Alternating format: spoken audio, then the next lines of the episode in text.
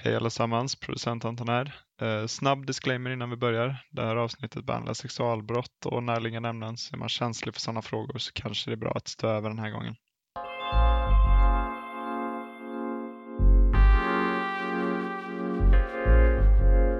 Då är ni hjärtligt välkomna till det fjärde avsnittet av Oskyldighetspodden. Och idag så ska vi prata om ett tema som vi har berört lite tidigare, nämligen samtyckeslagstiftningen som den ofta talas om. Alltså sexualbrottslagstiftningen så som den ser ut efter den 1 juli 2018. Då det genomfördes ganska stora reformer.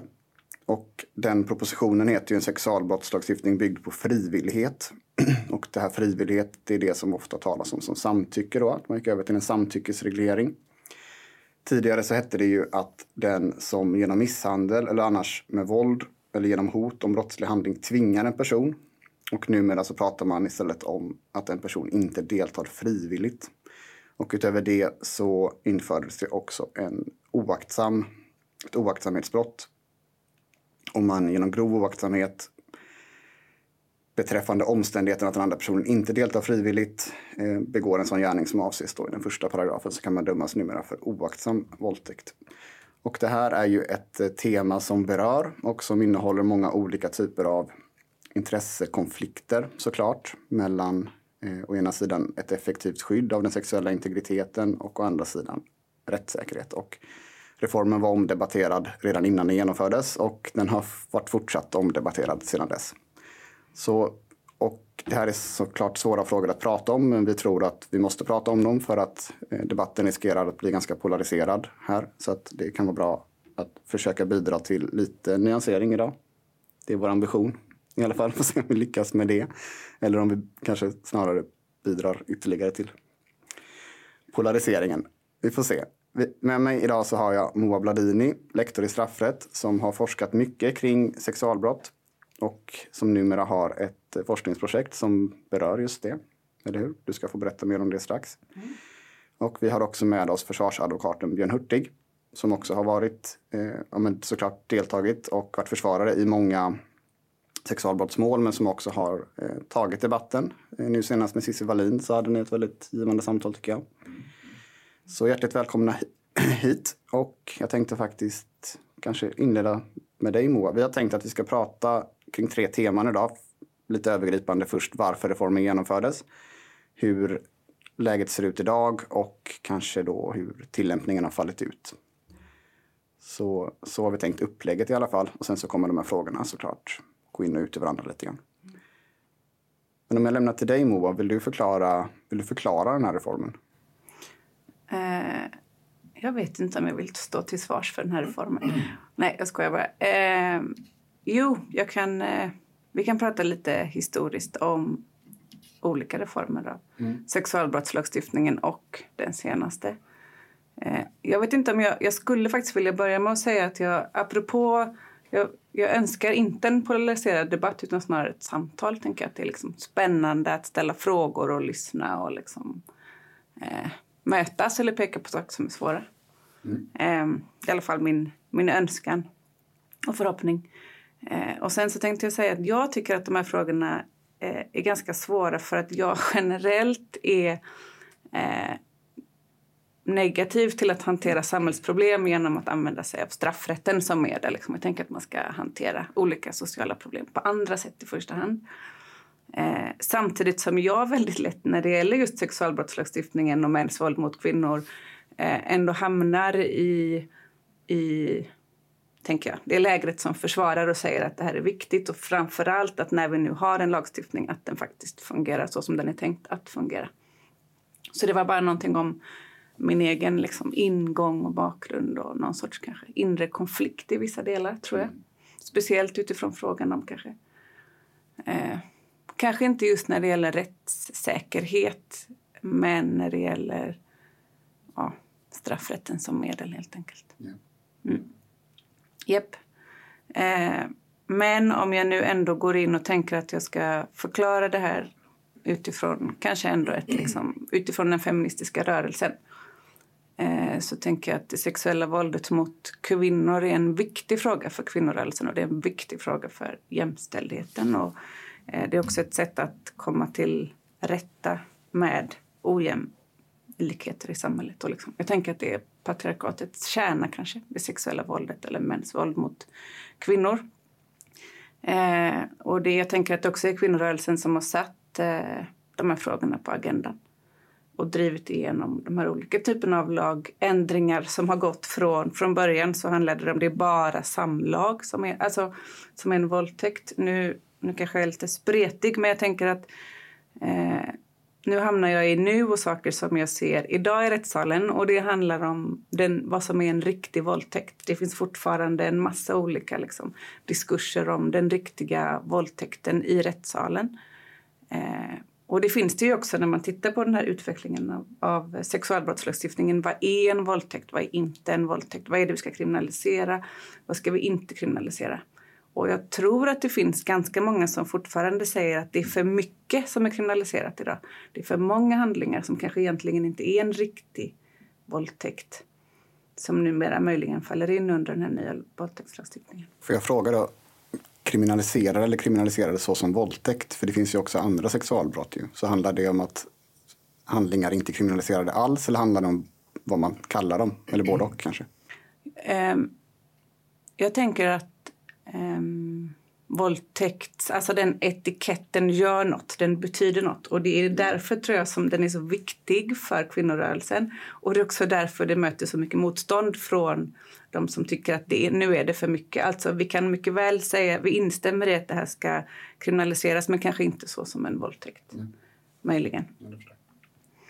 Eh, men det jag egentligen skulle säga är att eh, från början så var det bara då samlag som kunde vara en våldtäkt och sen så ändrades det 1998, så det är ju 20 år sedan drygt. Och då antar att man också menar heterosexuellt samlag? Ja, precis. Eh, och sen så har vi, det var ju fram till var det 79, kan det stämma, så var våldtäkt inom äktenskapet inte kriminaliserat. Eh, vad, som hem, vad som händer inom liksom hemmets stäng, stängda dörrar är, är privat och det ska inte staten in och Eh, ingripa. Så det här har ju, synen på vad som är en våldtäkt har ju förskjutits och utvidgats. Jag, eh, och även om jag då är skeptisk till straffrätten så tänker jag att straffrätten ändå har en oerhört viktig eh, normativ, eh, ett normativt symbolvärde som jag tänker är viktigt apropå just det här med vad är en våldtäkt och vad är inte en våldtäkt. Och med den nya lagstiftningen där man säger att det krävs istället för hot och våld eller tvång så är det nu så att det krävs ett samtycke eller frivillighet. Det betyder bildligt talat att kvinnors kroppar tidigare var tillgängliga för andra tills de sa nej eller stopp. Medan idag så säger lagen en kvinnas kropp är inte tillgänglig förrän jag säger ja. Jag är med på det här. Och jag får också lov att när som helst vända igen och säga nej förresten, jag ångrar mig. Och det tänker jag är en oerhört viktig eh, eh, bild av eh, vad som är en våldtäkt och vad som är sexuell integritet, tänker jag då. Mm. Eh. Det här är svåra frågor även för oss. Alltså, mm. Män i stort, tror jag, hoppas jag. Mm. Och, och eh, advokater i stort och mig som enskild person och advokat. Mm. Jag har precis samma tankar som dig, tror jag. Jag vill säga, det är en, ambival en ambivalent inställning till det här. Mm. Å ena sidan så, så vill inte jag att någon våldtas. Och vi kan vara överens om att det är till största delen en kvinnofråga, men även män kan ju våldtas. Alla människor har en rätt till sin kropp. Mm. Eh, å andra sidan då så, så är jag ju advokat och försvarsadvokat. Mm. Och jag har också en kärlek till eh, någon slags övergripande rättssäkerhet och rättvisa. Mm. Och jag vet hur stigmatiserande och svårt det är att bli anklagad för en våldtäkt. Eh, och jag vet också att människor har dömts felaktigt för det och vad det har inneburit för dem. Mm. Och det bästa exemplet jag kan ta det är ju efter fallet Ulf som vi hade.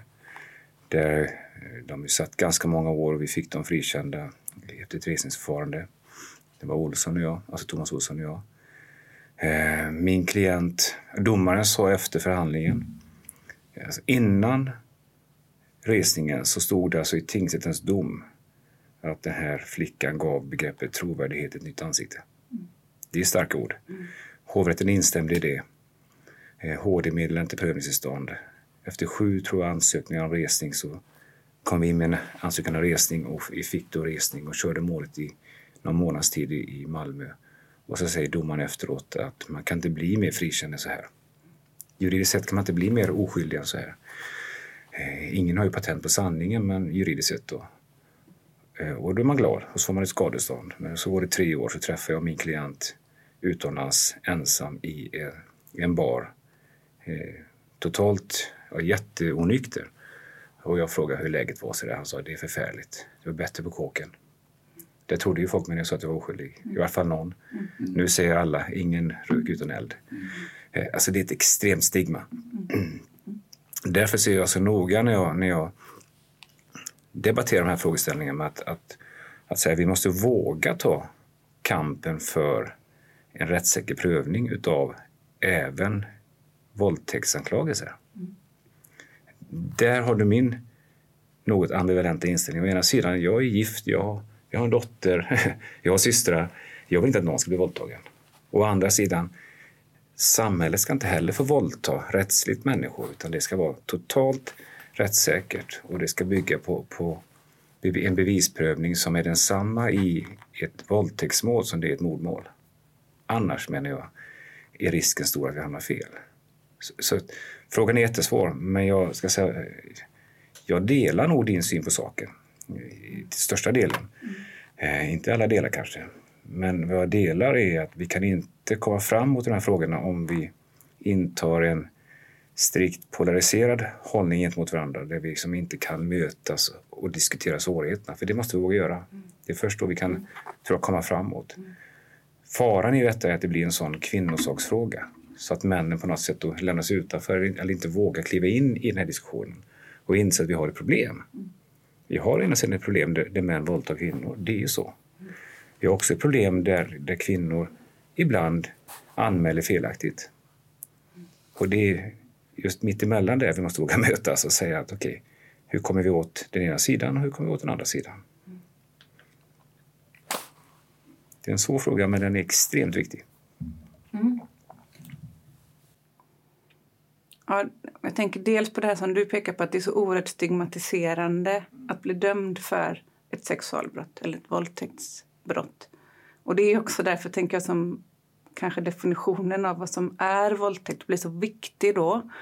Eh, eh, men det kan ju det kan ju också vara så att det, att det finns en föreställning om att det där som är den gamla våldtäkten. Liksom. Den där våldsamma där kvinnan skrek, eller hon kanske inte skrek, hon kanske inte sa någonting men där hon liksom blir attackerad och är helt eh, utan relation till våldtäktsmannen. Eh, det kanske är på en plats på gatan och så är det så förfärligt fult att vara en sån våldtäktsman. Medan jag tänker att det, att det samt... Och så finns det där stigmat. Samtidigt så finns den här andra definitionen nu då av vad som är en, en våldtäkt som omfattar mycket mer, som kanske också omfattar ja, men nästintill det vi skulle kalla för liksom, att vi inte läser eller lyssnar på varandras signaler och någon går över den andras gränser. Som vi kanske alla skulle kunna enas om att ja, men det är ganska svårt liksom, med kommunikation. Eh, och om jag vill någonting väldigt mycket så kanske jag glömmer att lyssna på vad det är du säger. Jag tar inte in de signalerna så gör jag det här. Och då, och då tänker jag att, att det kanske är många som tycker att det är lite besvärligt att också det här kallas för våldtäkt. Mm. Jag vet inte om du håller med om det, men att eh, det blir ju också problematiskt då om, om stigmat och föreställningarna handlar om den där överfallsvåldtäkten eller det oerhört liksom, eh, eh, allvarliga eh, brottet och, ett, och att den andra gärningen som också finns och kallas för samma sak eh, ser vi inte riktigt som en... Alla är inte överens om att det där också är en våldtäkt. Då tänker jag att den här diskussionen blir, kan, riskerar att bli ännu mer eh, polariserad kanske. Mm. Alltså att det ligger någonting i det där eh, ja, men en riktig våldtäkt. Jag vet vem det är som begår en, en, en riktig våldtäkt. Jag har bara gjort det här. Jag är inte en våldtäktsman. Jag vill inte bli kallad för en våldtäktsman. Det där är jätteviktigt. Alltså det, I grund och botten pratar vi uppsåt. I de här, mm. ofta de här lägena. Alltså det, det, är ju så. så att man, ja, ja, det där förstod jag inte. Mm. Eller vadå ville hon inte? Mm. Och, och, eh, då känner man inte att man begått en våldtäkt. Eh, och urtypen för det där är ju när man går hem två från krogen är fulla.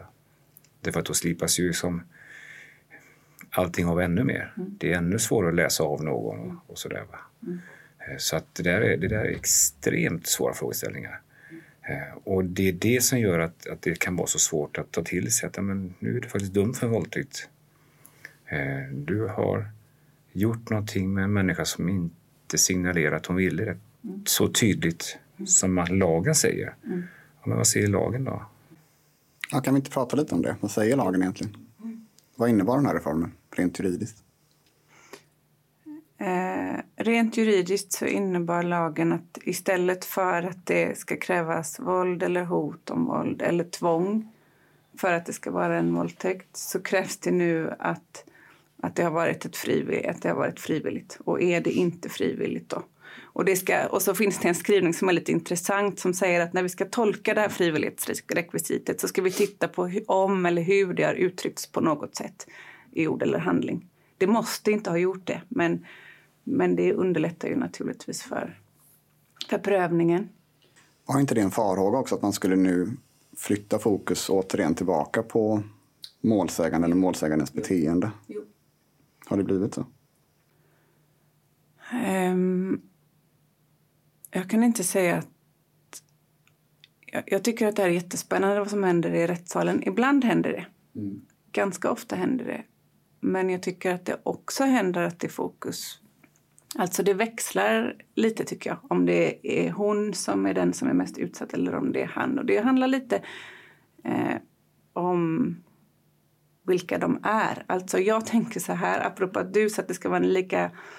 Eh, nu vet jag inte vilka ord du använde Björn, men du pratade om att bevisprövningen i ett mordmål och bevisprövningen i ett våldtäktsmål måste vara lika säkert.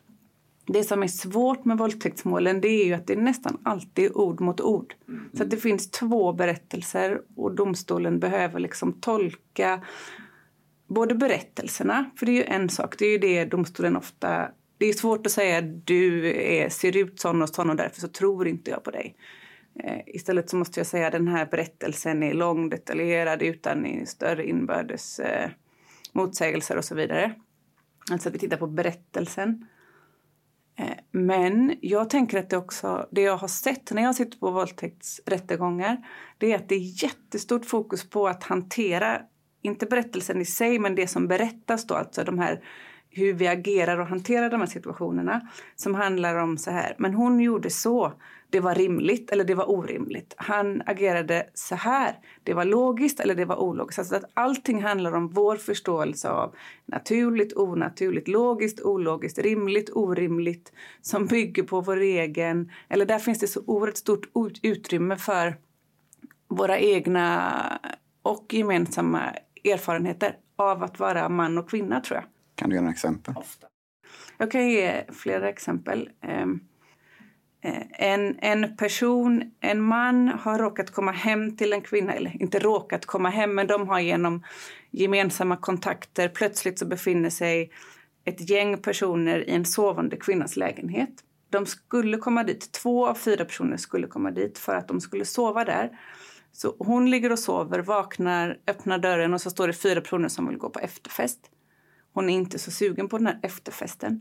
En av de här personerna försvinner in på toaletten och hon slänger ut de andra tre. Plötsligt så befinner hon sig ensam i en lägenhet med en främmande man. Och då funderar hon kanske på vad ska jag göra nu? Han är ganska full också. Och då är hennes berättelse att hon bjöd in honom eller lät honom stanna kvar Eh, och tänkte jag måste försöka få honom att lägga sig i en säng och somna nu för då är han avväpnad. Sen kan jag ringa min kompis och be honom ta honom därifrån. För jag kan inte som ensam kvinna eh, utmana fysiskt och försöka slänga ut en person som jag inte känner ur mitt hem. Jag vågar inte det. Medan den manliga logiken, så som jag hörde den i rättssalen, var men hur kunde du släppa in honom? Varför bjöd du in honom? Varför stannade du med honom och hängde och pratade i köket? Varför slängde du inte bara ut honom där och då när ni stod i hallen? Mm. Alltså det är ett exempel. Eller, eller varför... Eh, Varför kröp du ner i sängen bredvid honom om du inte ville ligga? Ja, därför att jag inte vågade ta konflikten och försöka slänga ut honom för då kanske han skulle bli våldsam och göra någonting. Så jag tänker att här, den kvinnliga logiken ganska ofta är jag vill inte utsätta mig för hans aggression. Jag vill inte eh, gå i konflikt så att jag gör en massa saker som skulle kunna tolkas som att ah, du bjuder in mig, du bjuder med mig, du bjuder ner mig i en säng, du lägger dig bredvid mig i sängen, alltså så vill du ligga med mig. Eh, ja, det var några exempel på... Mm. Får jag bryta in?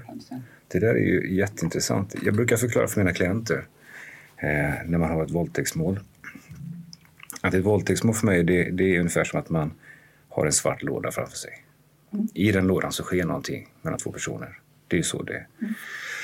Det som sker det en, en kommer ut och säger jag ville inte, en kommer ut och säger du ville.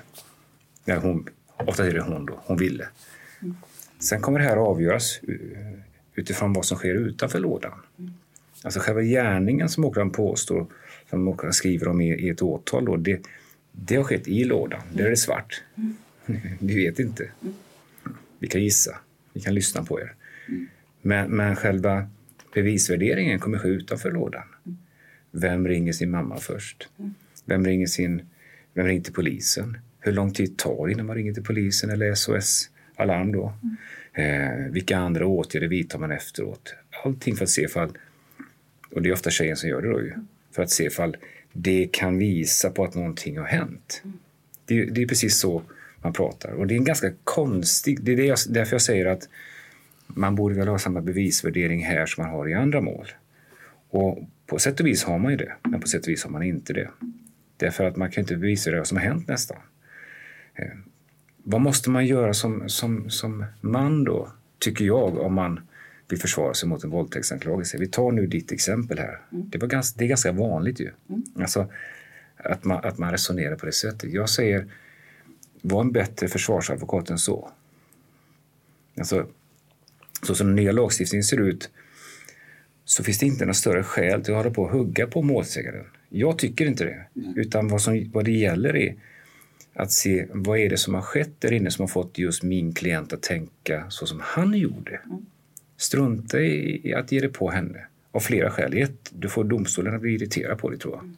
Alla sitter och hugger på ett stackars, stackars, stackars offer. Mm. Utan det kanske är bättre att, att bara få fram att okej, okay, så att du lät honom stanna kvar. Mm. Mm. Mitt i natten också. Ja, okay. Eh, visste du om att du var ensam hemma med honom? Ja, det visste jag. De andra har gått. Mm. Sen lät du honom lägga sig i din säng. Är det, är det korrekt uppfattat? Ja. Och så kröp du ner jämte honom. Mm. Ja, det är inget fel i det. Det var så du gjorde. Ja. Mm, tack. Förstår du? Bam. Mm. Sen frågade du din, kanske din klient. Du, hur uppfattade du det när du fick vara kvar? Mm. Och när hon, hon bad dig lägga sig i den enda sängen som fanns i lägenheten och sen kryper hon ner jämte dig. Hur uppfattar du det? Jag tror, det, jag tror att det är ett bättre sätt att försvara någon på för att du får liksom domstolen börja fokusera på din klients tankar, för det är det det handlar om. Mm. Eh, annars så tror jag att, att du är dömd att förlora. Sen får man titta på, okej, okay, vad hände efteråt då? Okej, okay, det tog fyra dagar tills du anmälde detta.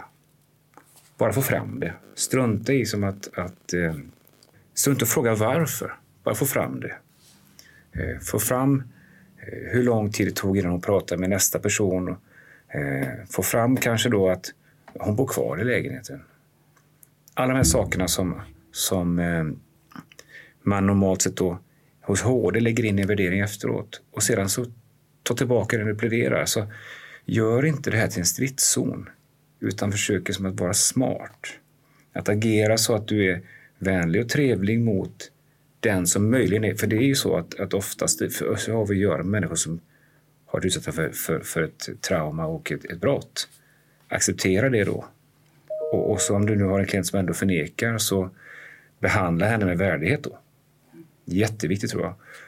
Eh, och sedan bara lyft ut de sakerna, essensen ur det som du behöver för att för, föra din klients talan.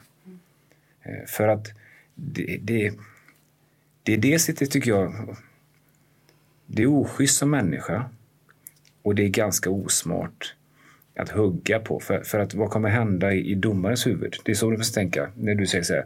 Jaha, så du att honom var kvar. Mm. Förstod du inte att det var mitt i natten? Så du la det jämte honom, fattar du inte?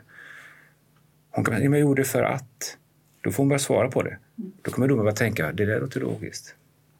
Men om du bara, så du la det jämte honom, ja tack. Då kanske domaren tänker, det var märkligt. Mm, och där tror jag, jag tror att försvarsadvokater är mer tränade på att hjälpa domare just med det. Att göra den där tankeövningen och sätta ord på. Mm. Alltså att försöka då beskriva det här. Det är ju det här, den här logiken som ligger i hans agerande nu. Medan jag, jag tänker att, för, eh, att åklagare inte riktigt tänker så kring sin uppgift. Men att de hade varit hjälpta av att också sätta ord på eh, kvinnornas liksom, logik då, på något vis. Och det gör ibland skickliga målsägandebiträden, mm. gör ju det. Eh, men jag, men jag, jag, tycker att jag ser att, att det liksom är en strid om vad som är det där logiska agerandet. Eller vad man ska säga. Det rim, och rim, men, inte ba, men inte bara. För jag måste säga en sak, och nu kanske jag är lite taskig då. Men jag tänker att det finns en föreställning om att så här, män är rationella, kvinnor är irrationella. Alltså nu hårdrar jag det lite, men liksom, det manliga är det rationella och det kvinnliga är det emotionella. Medan när det, gäller, när det kommer till sex, när det kommer till eh, sexualbrottmål då tillåter vi och utgår från att män kan vara hur irrationella och korkade som helst. Jag, bara, jag hårdrar det lite, men, men det finns någonting i, eh, i det som jag tycker är lite intressant och problematiskt. Men, men, men det tillkommer saker sedan oftast här, alltså i berättelserna, i vart fall så, i de målen jag har. Och det är att man stoppar ju inte det, utan det här, hur reagerar hon? Vad, vad, vad, är det som får dig att tro att du kan göra så här och hur reagerar hon då? Mm. Han måste ju såklart, för, för så är det. Förr i tiden så lönade det sig ganska mycket att tro att vara tyst i våldtäktsmål. Mm. Nu ska man vara, alltså, så som det ser ut idag, du kanske kommer till det sedan, så menar jag att det är nästan omöjligt att vinna ett, ett våldtäktsmål om du, vare sig du är skyldig eller oskyldig, om inte du har levererat en berättelse. Du måste nog förklara mm. hur du tänkte och varför du tänkte som du gjorde. Och då kommer andra saker in som att människor kanske rör sig mot en, eh, stönar eller andas tyngre. Alltså, de här vanliga signalerna som man då som jag tror alla människor sitter i en domstol känner till. Eh, hur man beter sig när man behöver upphetsad på båda sidor och sådär. Och det är klart att om, om, om, det då, om man då lägger till de ingredienserna så, så behöver man ju inte vara irrationell eller dum som man bara för att man har tolkat signaler. Vi kan ju inte, ha, vi kan inte sitta i en domstol och, och, och värdera gärningar som har ägt rum utanför domstolen med en annan måttstock än den man använder i verkligheten. För då har vi på något sätt en parallell, en parallell eh, verklighet som vi bevisvärderar ifrån inne i rättssalen mot den som funkar i verkliga livet. För jag tror att, att två fulla människor till exempel, eller en full människa, här ute eh, agerar på ett visst sätt där. Och då måste man föra med det in i bevisvärderingen, för annars gör man ingen reell bevisvärdering. Annars så säger man så här, jo men jag här, bonus pater familja, så jag skulle minsann agera på det här sättet. Jo, möjligt. Men då är det skrivbordsjuridik. Eh, där och då så var det inte så. Alltså ett tunk, ett nunk, heter det så? Ni som kan latin. Eh, det som var då, det som är nu. Det är jätteviktigt att få domstolen att förstå att vi kan liksom inte bevisvärdera här inne i en varm och trygg och skön miljö och inte försöka i vart fall att försätta oss i den situationen som var när det skedde, för då bevisvärderar vi inte. Då gör vi någonting annat, tycker jag. Då leker vi. Eller anar eller försätter oss i tillstånd som inte var där och då. Det är livsfarligt, det är det jag menar. För i mordmål, då gör man syn, kanske. Man, man gör massa saker. Man försöker på något sätt försätta sig i situationen som var där och då. För det, det är så viktigt. Och det är ju det här också, för alla parter.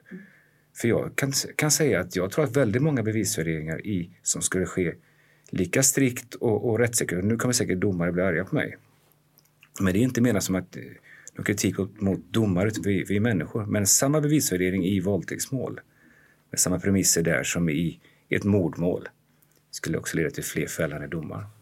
Det tror jag. Nämligen, jag tror man skulle förstå bättre då om man vågade bevisa det fullt ut. Jag tror det. Alltså bli lite striktare, bli lite mer, sätt dig i situationen. Jag tror det är oerhört viktigt att man gör det för att annars så, så, så bevisvärderar vi inte. Jo, det gör vi förstås, men fel. Mm. Men jag tror att jag, jag tänker att jag håller med dig där. Att det är exakt den övningen som domstolen måste göra. Vi måste försöka tänka oss in i där och då och hur var det för dem. Och det tänker jag att de gör. Men att det enda, det enda vi har då, det är ju vår erfarenhet som människor. Och den ser ju ganska olika ut. Och den ser ju framförallt när det gäller sexuella relationer ganska olika ut, tänker jag. Om jag generaliserar, mellan män och kvinnor.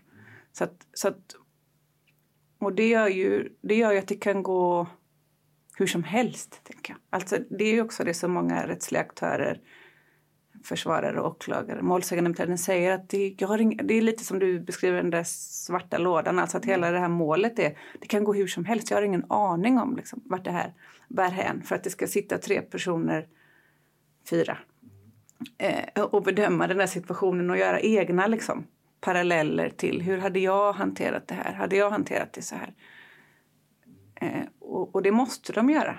Men jag tänker att de skulle behöva lite lite hjälp. Vi kanske skulle behöva synliggöra och prata mer om till exempel manliga och kvinnliga då, erfarenheter av liksom, eller sätt att hantera eh, olika situationer.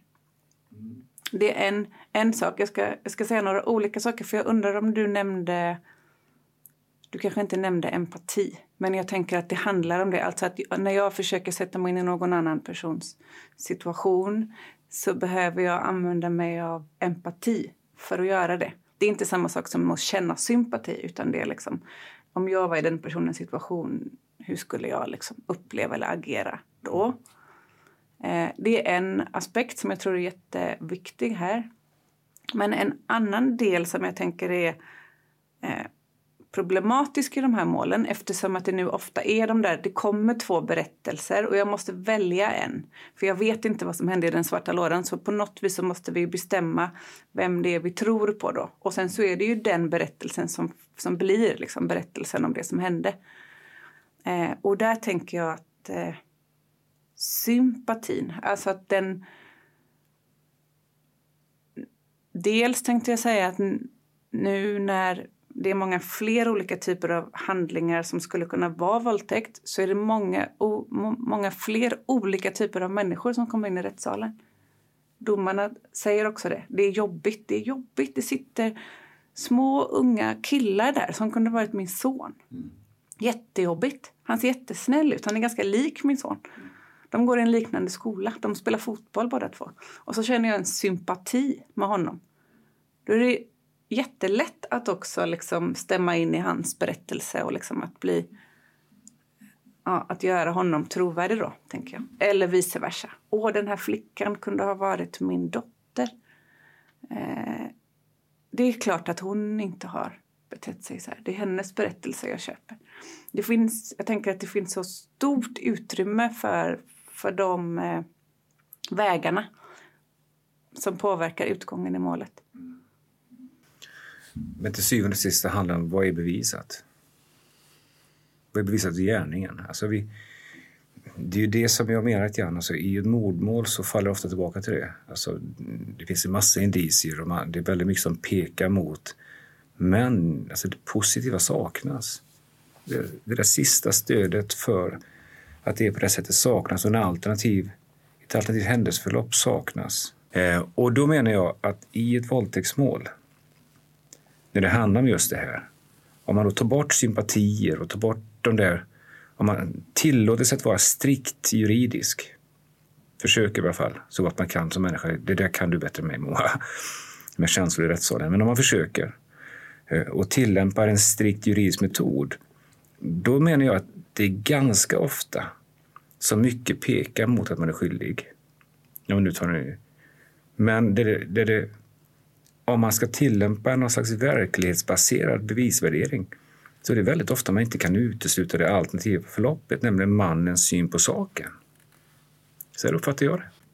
och det är det jag menar att, att i vissa lägen kan man det och i vissa lägen kan man inte det. Jag tror man skulle få bättre domar om man verkligen gjorde så och, och arbetade så extremt hårt med att, att inte tillåta de här sympatierna eller antisympatier, heter det så? Ja, ni fattar vad jag menar. Antipatier. Eh, antipatier, tack. Och så vidare komma in. Utan bara bam. För jag vet ju hur lätt det är att tycka synd om ett våldtäktsoffer. Innan, börjar man läsa på, på, på åtalet liksom. Så känner man att oj då. Och så var hon bara 16 år också. Och så var han minsann 24. Alltså, det händer saker i oss, mig också. Men om man tillät sig att verkligen tillämpa samma metod som man gjorde i det så kallade öfallet med, med mordet på, från 91 och nu är. Eh, bam! Vi, vi går igenom allt det här och sen kan vi utesluta alternativ. Kan vi utesluta alternativt händelseförlopp, det vill säga mannens. Men nu utesluter vi det på grund av vad någon gör efteråt. Det är faktiskt så. För trovärdigheten kommer in, bedömningen av trovärdigheten kommer in i efterskedet. Och jag menar att du måste tillbaka in i gärningen. För det där, det är inte utan, det är inte utan kritik som, som Högsta domstolens bevisvärderingar, eller trovärdighetsbedömningar har farit fram genom praxis. Det finns ju, finns ju ganska mycket kritik mot deras sätt att se på vad som gör någon trovärdig. Jag, ty- jag menar, man måste in i, i, i lådan, man måste lyfta av locket, kolla ner vad hände exakt där. Och, och då har vi jätteproblem förstås, bevisvärderingsmässigt. Jag vet det. Men är det inte det allting går ut på? Nämligen att hellre fria än fälla. Antingen är berättelsen så stark så att den håller själv, eller är den inte det? I min värld är, är, skulle det vara det bästa förstås. Eh, Men, men svårigheten är ju just det att, att vi vet inte vad som sker i sovkammaren. Det är två personer där bara. Och enda sättet att komma åt det tror jag, det är att förfina metoderna för bevisvärdering. Det, det är det enda sättet tror jag, om vi ska komma vidare. Får jag kasta in en fråga här då? För att en, en tanke med den här reformen var väl också att åstadkomma fler fällande domar. Det låg väl bakom reformen. Jag vet inte hur det har blivit faktiskt. Nej, har, det är någon som vet? Har det blivit så? Finns det någon statistik på det? Jag vet att statistiken när det gäller antalet fällande domar från det att man har beslutat att, väcka åtal eh, så steg det markant från 2017 till 2019. Och det tänker jag ändå var en indikation på att det ledde till fler då, fällande domar. Men det som också har hänt är att det är oerhört många fler eh, handlingar som har anmälts nu som våldtäkt som inte... Så att om man, det beror på liksom vad man, vad man, bör, vad man jämför någonstans. Men, men om man bara tittar på anmälningar versus fällande domar så ser det sämre ut idag. Är det så? Ja. Men däremot... Men jag vet inte om det här har ändrats. Jag, jag kan bara siffrorna då från 2017 till 2019 så jag vet inte om det kan ha svängt ner igen sen 2019. Jag upplever inte eh, att det är en markant större skillnad på antalet fällande domar nu. Jag har ingen statistik, men jag, jag vet ju hur extremt svårt det är att försvara ett våldtäktsmål. Hur, hur svårt det var innan, men hur mycket svårare jag tycker det är nu. Alltså jag, jag tycker lagändringen har gjort det mycket svårare. Tycker du det? Mm. Men vad är det som gör... Eh, Alltså jag tycker att, jag vet inte för du håller med mig där Moa, men jag tycker att bevisbördan har flyttats. Jag tycker att bevisbördan har flyttats något, alltså det, det är så, för mig är det så solklart. Eh, därför att innan, i det gamla systemet så, så var det ungefär så här att X påstår att, att Y har våldtagit henne och så säger åklagaren då till, till X att eh, ja, vad hände här nu då? Nej, vi hade sex och det var frivilligt.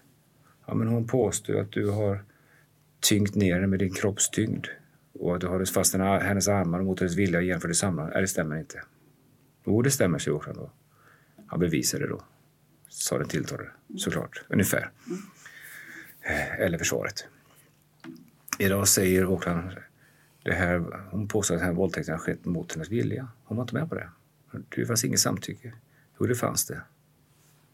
Bevisa det då. Och, och jag menar, du kan i princip inte vinna ett, ett, ett våldtäktsmål om inte du på något sätt har en, en invändning som gör att domstolen tror på att det förelåg samtycke. Innan kunde du vinna ett våldtäktsmål om du förnekar att du hade agerat på det sätt som stod i lagstiftningen då. Det vill säga med våld eller hot och sådär. De rekvisiten finns ju kvar förstås idag. Men, men det är ett samtycke i, i botten här som du ska, ska övertyga domstolen om att, att eh, det har förelegat. Alltså det är ju ingen skillnad när, när det påstås våld eller hot om våld.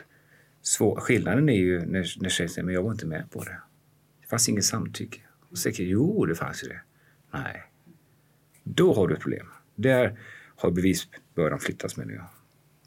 Stämmer det överens med din, dina observationer? Jag tänkte lite olika saker nu. För det första så tänker jag ju att åklagaren är ju den som har bevisbördan för att säga att det här var inte frivilligt. Det behöver ju liksom åklagarens styrka. Mm. Höra målsäganden. Ja, precis. Höra målsäganden. Eh, bland annat. Det, är ju inte till, det behövs ju någon ytterligare eh, bevisning. Men det kan ju vara liksom, jag berättade för en kompis mm. som också säger samma sak. Så kan det ju vara. Eh, men det jag ville fråga dig var att det, om man ändå tänker så här, det här är åklagaren som har bevisbördan för att det ska vara eh, inte frivilligt då. Så går, då går det ju över till dig att du har en, eller försvar, att du har en förklaringsbörda och säga att nej, det var på ett annat sätt. Skulle, då är min fråga så här, skulle det kunna, kan vi jämföra det med en nödvärnssituation? Först så behöver åklagaren bevisa det här och sen går det över till dig och så behöver du visa nej, det var ju nödvärn. Alltså går det att göra en sån jämförelse? Jag satt, faktiskt tänk, jag, jag satt tänkte på det förut faktiskt. Jag som mm. två tankar möts i mm. universum. Mm. Eh, men där säger man ju, om inte jag missminner mig, att en översevändning ska tas för god så länge den inte är obefogad. Eh, det vill säga det krävs ganska lite. Och jag vågar påstå att det är inte på samma sätt i, en våldtäkts, i ett våldtäktsmål. Det räcker inte att säga vadå? Jo, men jag trodde ju att hon... För vi låg i samma säng. Hon la sig jämte mig. Det räcker inte. Eh, utan det krävs mer. Men jag tror att det hade räckt med att säga i, i en översiktssituation att vadå, han knuffade på mig. Eh, och, och det, för då, då, då klär du det i ord. Det är inte helt, en helt blank invändning. Du säger inte bara det var nödvärn och så är det tyst, utan du, du klär det i lite ord. Vi började tjafsa, han gav mig en knuff, jag knuffade tillbaka. Det var för hårt, jag ber om ursäkt, men det var nödvärn. Ungefär så. I våldtäkt, eh, ja, jag låg med henne, men hon låg i samma säng. Det skulle jag aldrig... Nu, nu hårdrar jag det. Mm. Men jag tror liksom att bevis bevisvärderingen blir helt annorlunda. Men i grund och botten så, så, så att jag tänkte på samma sak innan. Det är ungefär där man befinner sig. Mm. Faktiskt. Så, så, att jag köper det på ett sätt, men jag tror inte att det har hållit.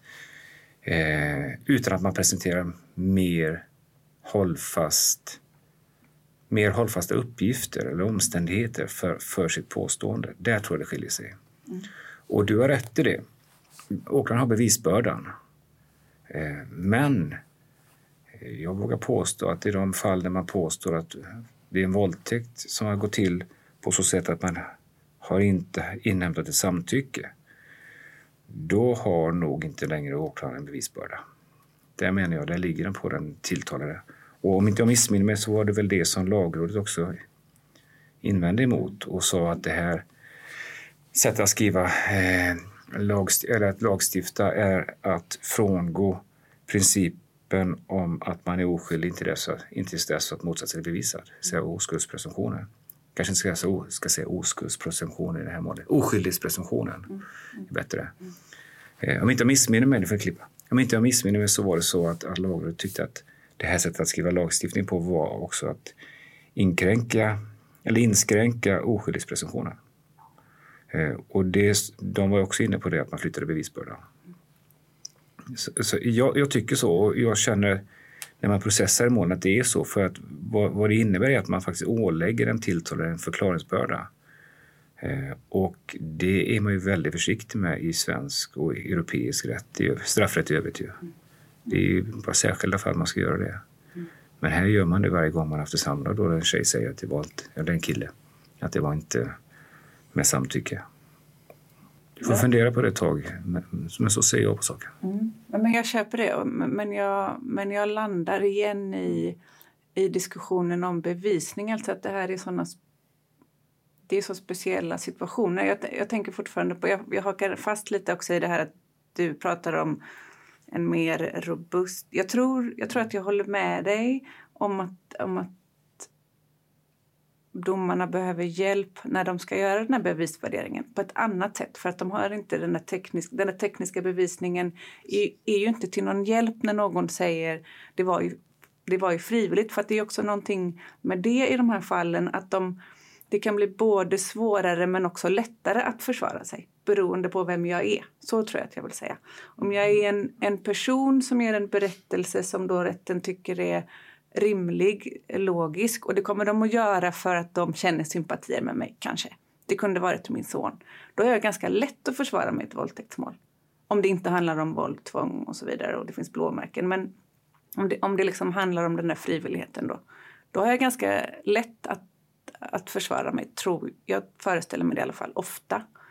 Eh, Medan som jag är en annan person som stämmer mer överens om, för jag tänker att en en kritik mot eh, sexualbrottslagstiftningen, framförallt tillämpningen, alltid har varit de här våldtäktsmyterna som handlar om den riktiga våldtäkten, som vi redan har pratat om, den riktiga våldtäktsmannen och, och vem som är offer och hur den har betett sig.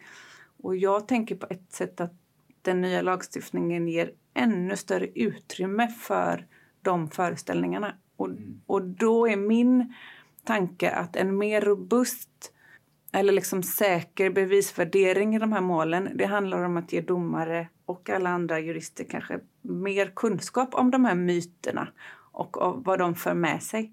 Mm.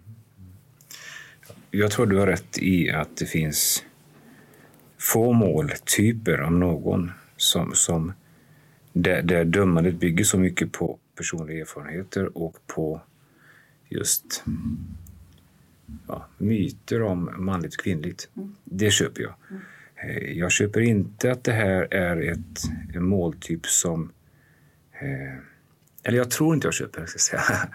Jag har inte förrätt igenom det riktigt ännu. Eh, att det här mer än i andra måltyper skulle fästa fokus på vem du är eller var du kommer ifrån. Det finns andra måltyper som jag tycker också jag tycker att det spelar en extremt stor roll om du kommer från Östermalm i Stockholm eller från Rinkeby eller om du kommer från Limhamn utanför Malmö eller från Rosengård. Och så där. Det finns många måltyper. Liksom där, där alltifrån etnicitet till andra bakgrundsfaktorer kan spela stor roll för, för dömandet. Därför att igenkänning tror jag är en väldigt både bra och farlig egenskap att ha, alltså att ha med sig in i, i domstolen. Mm. Eh, men, men, jag ska fundera ett par varv till på det där. Eh, däremot så, så menar jag att i den här typen av mål så, så är det så farligt eller i allt dömande är det så farligt om man, om man ska hitta särskilda måltyper där man helt plötsligt ska börja lätta på bevis, på bevisvärderingar och på bevis, alltså kraften i bevisen som presenteras för domstolen för en fällande dom. Därför att då är vi ute på sluttande plan och när man når botten så är det för sent. Eh, lagstiftning måste byggas på, på en strikt bevisvärdering, alltså när det gäller strafflagstiftning. Man dömer inte folk utan att det finns ett stöd i lag och att det finns bevisning som, som verkligen räcker. Och då ska den bevisningen vara robust. Sen kan, kan det alltid finnas situationer där det är lättare eller svårare att, att döma människor beroende på vilken måltyp man jobbar med. Det kanske man måste få leva med. Sen är det extremt synd att, att det är så förstås, därför att eh, tenderar i så fall, om man skulle tillämpa en sån bevisvärdering som jag säger, att fler människor skulle gå fria förstås från brott de faktiskt har begått. Det tror jag. Det tror jag. Och då, då blir det väl en större filosofisk fråga, kanske till ett annat program. Ska man tillåta sig att, att fria människor när bevisning inte räcker? Och, och, det tycker jag man ska göra. Personligen, därför att annars är man ute som sagt, på, på, på ett farligt... Man åker rutschbana neråt snabbt. Vi är hela tiden i, i frågor om bevisning för att det är såklart är det som avgör. Och det som är speciellt här är att det är en annan typ av bevisning.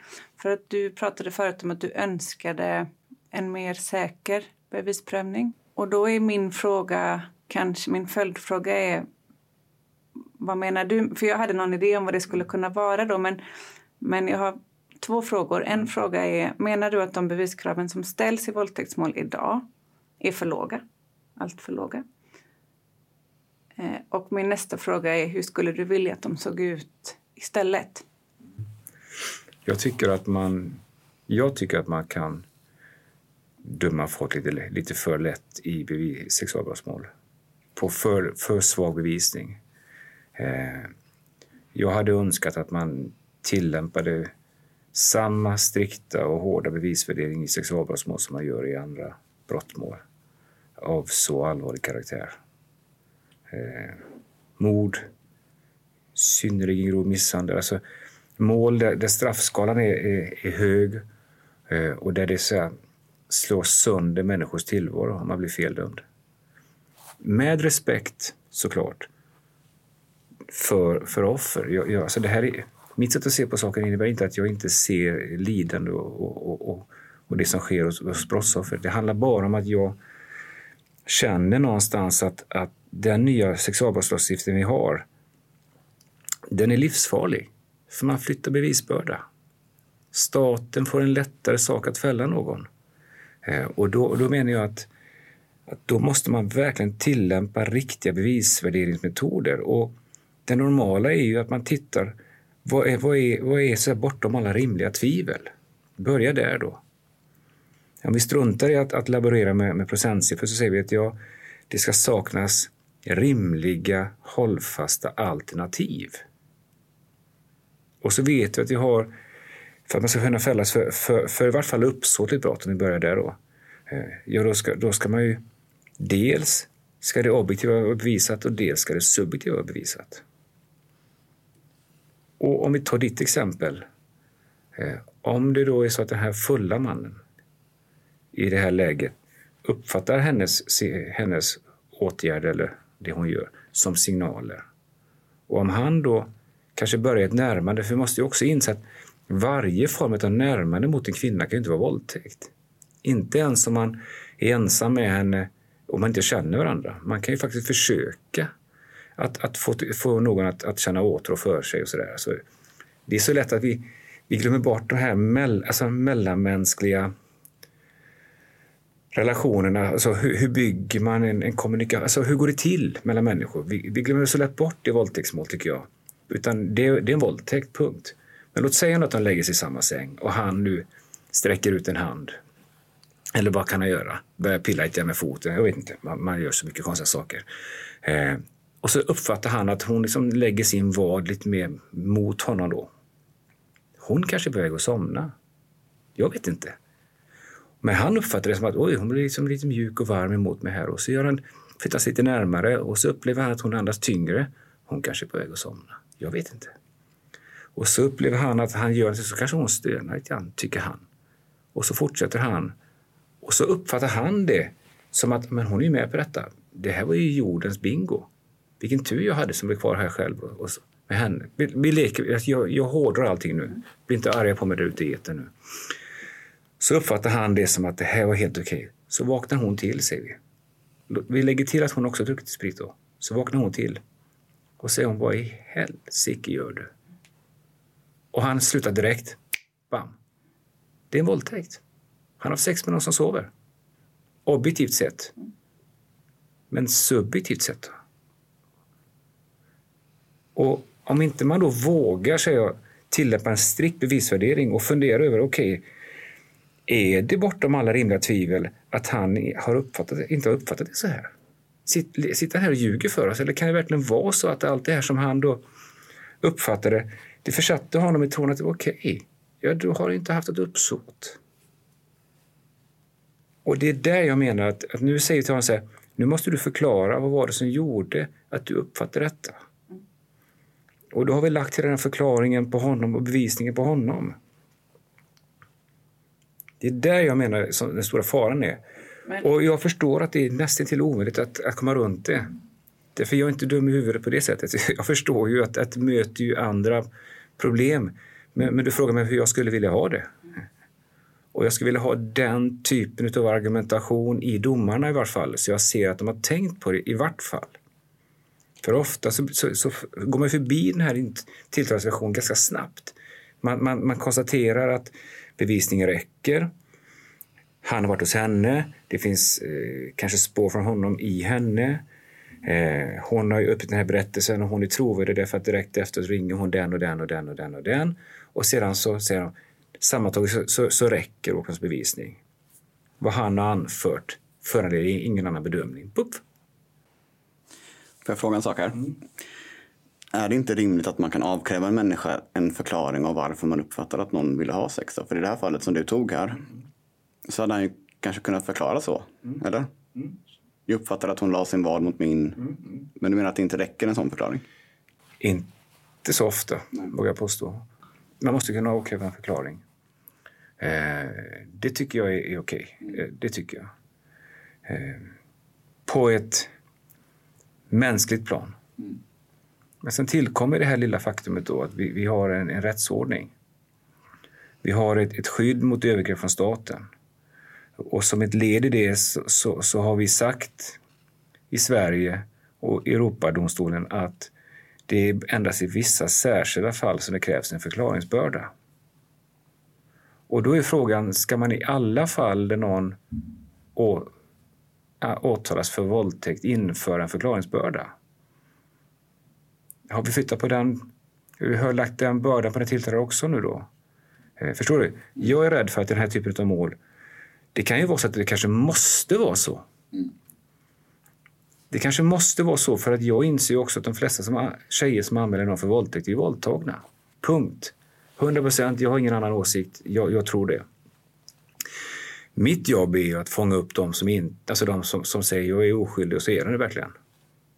Och om jag då börjar schackra med de här principerna då har mina klienter inte ett fullgott skydd för jag kan inte gissa mig till vem som är oskyldig inte. För jag har aldrig varit med i den svarta lådan. Jag måste varje gång utgå från att staten följer de principer vi satt upp för, för att det ska vara rättssäkert. Vi ska vara trygga mot övergrepp från staten. Då är vi tillbaka här igen nu. Jo, jag tycker som människa att du ska fasen i mig kunna förklara varför du har legat med henne när hon säger att hon ville ju inte det. Du säger att du ville. Vad var det som fick dig att tro det? Mm, fine. Som advokat då? Ja, du ska, jag tycker att du, du får tåla att få frågor. Men frånvaron av rimliga förklaringar ska inte i alla lägen i alla fall innebära att du blir fälld för, dom, för våldtäkt. Eh, och jag tycker då som sagt var att, att, att en bevisvärdering även de här målen måste bygga på precis samma principer som i alla andra mål. Mm. Jag vet inte vad jag gör mig klar, men så tänker jag. Och det tänker du att de inte gör? Alltså, mm. är, är det så att de kraven som Högsta domstolen har satt upp i de här målen. Tänker du att de är... Första frågan är, tänker du att de är för låga då? Nej, tycker jag inte. Nej, så att, så att om de följs så tycker du att det är okej? Okay. Det räcker med en utsaga som är tillförlitlig och stödbe, någon sorts stödbevisning? Jag tycker så här, att, som jag uppfattar HD, det här kan du säkert mycket bättre med, men jag uppfattar HD så här att i grund och botten så ska den målsägandens uppgifter vara alltigenom trovärdiga. Mm. Och då kan det räcka med en, en, nej, om det är så att de är trovärdiga så kan det räcka med så kallad stödbevisning. Va? Mm. Vi tar om det här igen. Så här är så jag. Om de är alltigenom trovärdiga då kan det tillsammans med det vi kallar för stödbevisning mm. räcka för en fällande dom. Mm.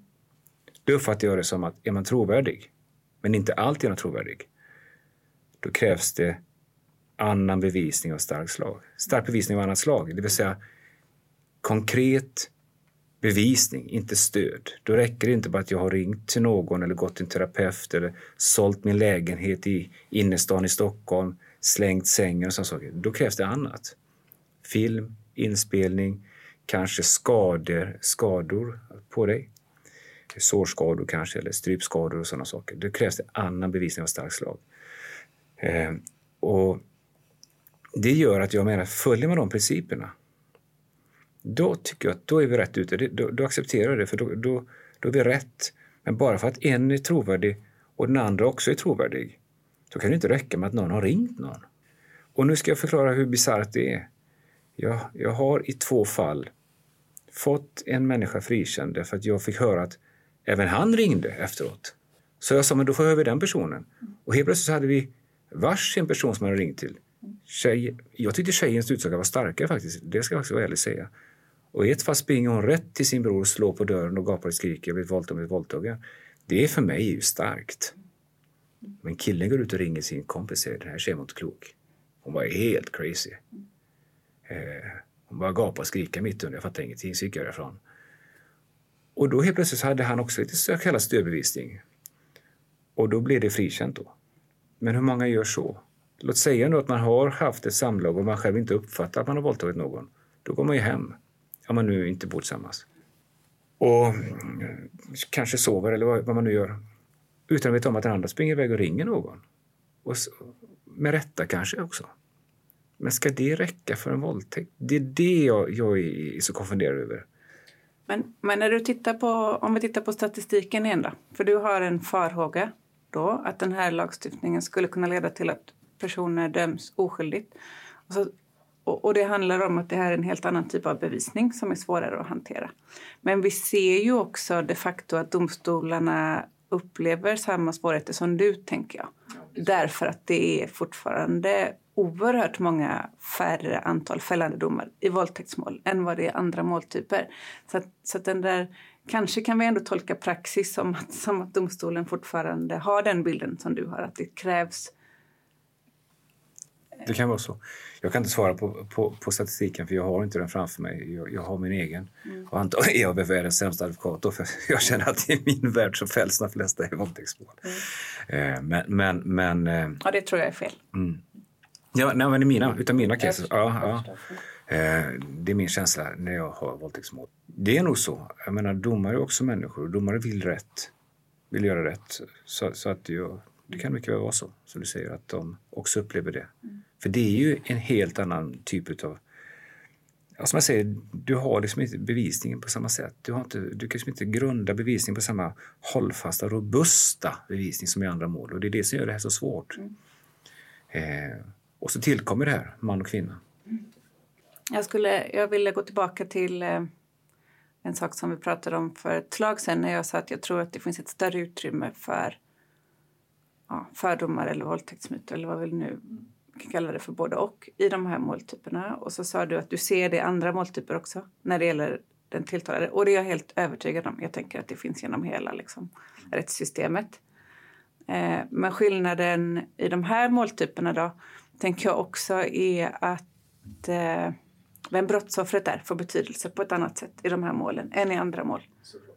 Vilket innebär, som jag tänker ett problem då, det här är ju inte rättssäkert utan rättstryggheten då, att, att alla kvinnor har inte samma eh, access to justice. Liksom. Alla, det finns en eh, norsk forskare som jag tycker är eh, spännande. Anne Bitch, jag har nämnt henne för er förut. Mm. Hon pratar om sexuellt medborgarskap Eh, där hon menar att när lagstiftningen ser ut som den gör, eh, eller rättare sagt tillämpningen kanske ser ut som den gör, alltså att det spelar roll eh, vem du är, om du blir trodd på eller inte i rättssalen. Så har du, vissa kvinnor har inte ett sex, tillgång till ett sexuellt medborgarskap menar hon då. Jag tycker bara att det är lite intressant eh, formulerat och jag tänker att det är någonting som också är ett eh, problem för oss här med. Det, det, finns väl ett väldigt känt fall ifrån, i Stockholm där, jag kommer inte ihåg vad det kallas för, men det, det är en kvinna som köpte knark mm. tror jag. Mm. Eh, då skulle, skulle vi ha velat ha sex med typ sju, åtta mm. män på mm. raken som inte hon kände. Mm. Och det kände jag att, att möjligen är bevisvärderingen helt korrekt där då. Men som människa känner man att, men hallå, och det är ju svårigheten med de här målen. Mm. Alltså, och det är det jag inser någonstans när jag pratar med dig. Mm.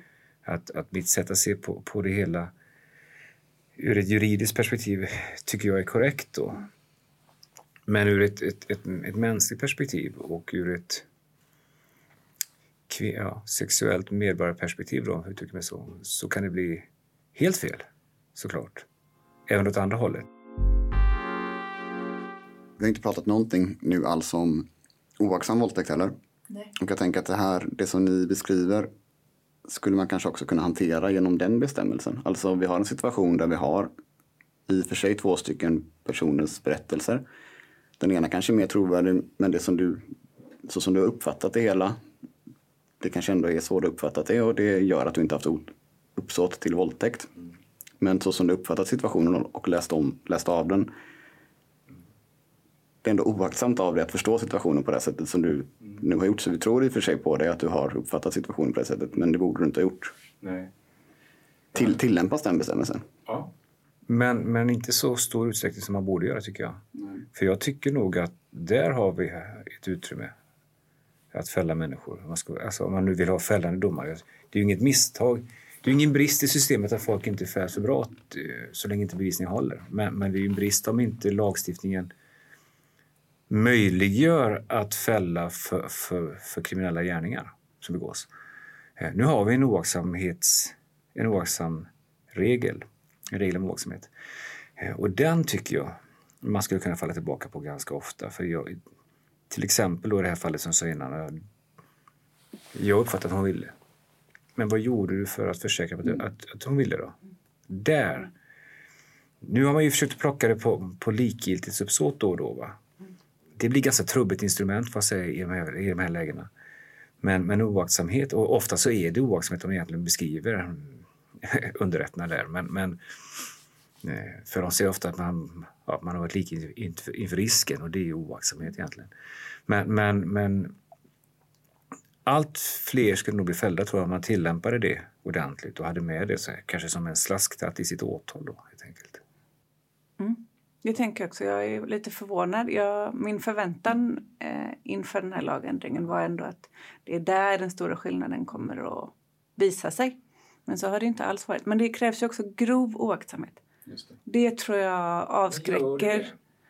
Alltså ja. jag, jag tittade i förarbetena lite grann och kollade gärna och, och, hur är det med det där? Jag tycker det är lite tvetydigt. Är det en grov oaktsamhet som krävs? Ja, det är intressant för det står ju så i rekvisitet i alla fall. Men, ja, men frågan är vad det är man beskriver. Ja, vad är det man beskriver egentligen? Jag, men så länge det står där så kommer ju varenda försvarare i vart fall hävda att det är det. En grov oaktsamhet. Mm. Eh, och, och, och, vad är det då som gör den här oaktsamheten grov? Det får man fråga sig. Mm.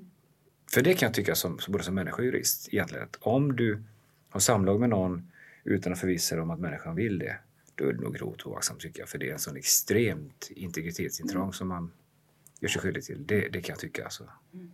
Det är kanske därför man vågade skriva det. Att det ligger i sakens natur att det är ja, grovt. Mm. Precis, kanske. Kanske. Mm. Jag ville säga en annan sak egentligen som inte alls har pratat om. Eh, som handlar om liksom lagstiftningen i sig. Mm. Dels, att, dels här synen på autonomi, alltså att vi har tillgång till, eh, alltså att vi vågar och kan säga ja och nej. Och vågar visa, det, det här är en annan fråga lite men det är ändå en viktig fråga tycker jag att den här lagstiftningen ändå bygger på att, att jag alltid kan säga ja och nej utom när jag är i en utsatt situation eller liksom utsatt mm. för våld och tvång och så vidare. Eh, och en annan intressant sak är att tjatsex Ja, som inte är kriminaliserat. Det är inte kriminaliserat. Nej. Det, det handlar ju också om det där med... Men borde det vara det tycker du? Jag vet, om, om det här handlar om frivillighet, om det handlar om frivillighet på riktigt så tänker jag att, här, att tjata sig till sex handlar ju om att här, inte respektera den andra människans gränser. Men det borde inte vara våldtäkt då? Nej, det kanske skulle vara någon annan Sexuellt, typ av... Eh, vad mm. helvete. Mm. Och... Nej, mm. men, ja. nej, men det borde heta något annat då tycker jag. Mm. Det, för, för jag... Nej, det kanske inte ska vara våldtäkt men det är bara intressant. Men det är väl en jättebra poäng också att göra. Ja. Mm. Båda de här poängen tycker jag är jättebra. Då börjar vi nu nå slutet på det här samtalet och jag tänkte faktiskt öppna upp för lite avslutande kommentarer. Ifall det är någonting som ni känner att vi inte har tagit upp här som är viktigt i, i den här kontexten. Och jag kan släppa till dig först Moa. Till exempel, jag i alla fall har sett i flera våldtäktsmål att vi man fortfarande lägger fokus på hur kvinnan har betett sig innan, liksom, en vecka innan eller under samma kväll med jag har skickat lite sexiga sms eller vi hånglade till och med vid något tillfälle tre timmar innan den här händelsen som hon kallar för en våldtäkt. Och hur eh, jag tycker att det ofta fortfarande finns med som en del av hur mannen får lov att tolka hennes beteende som en väg mot liksom, att hon vill ha sex med honom som jag tycker är problematiskt. Det var en sak. Sen så nu bara... På tal om fokus på målsägandens beteende då?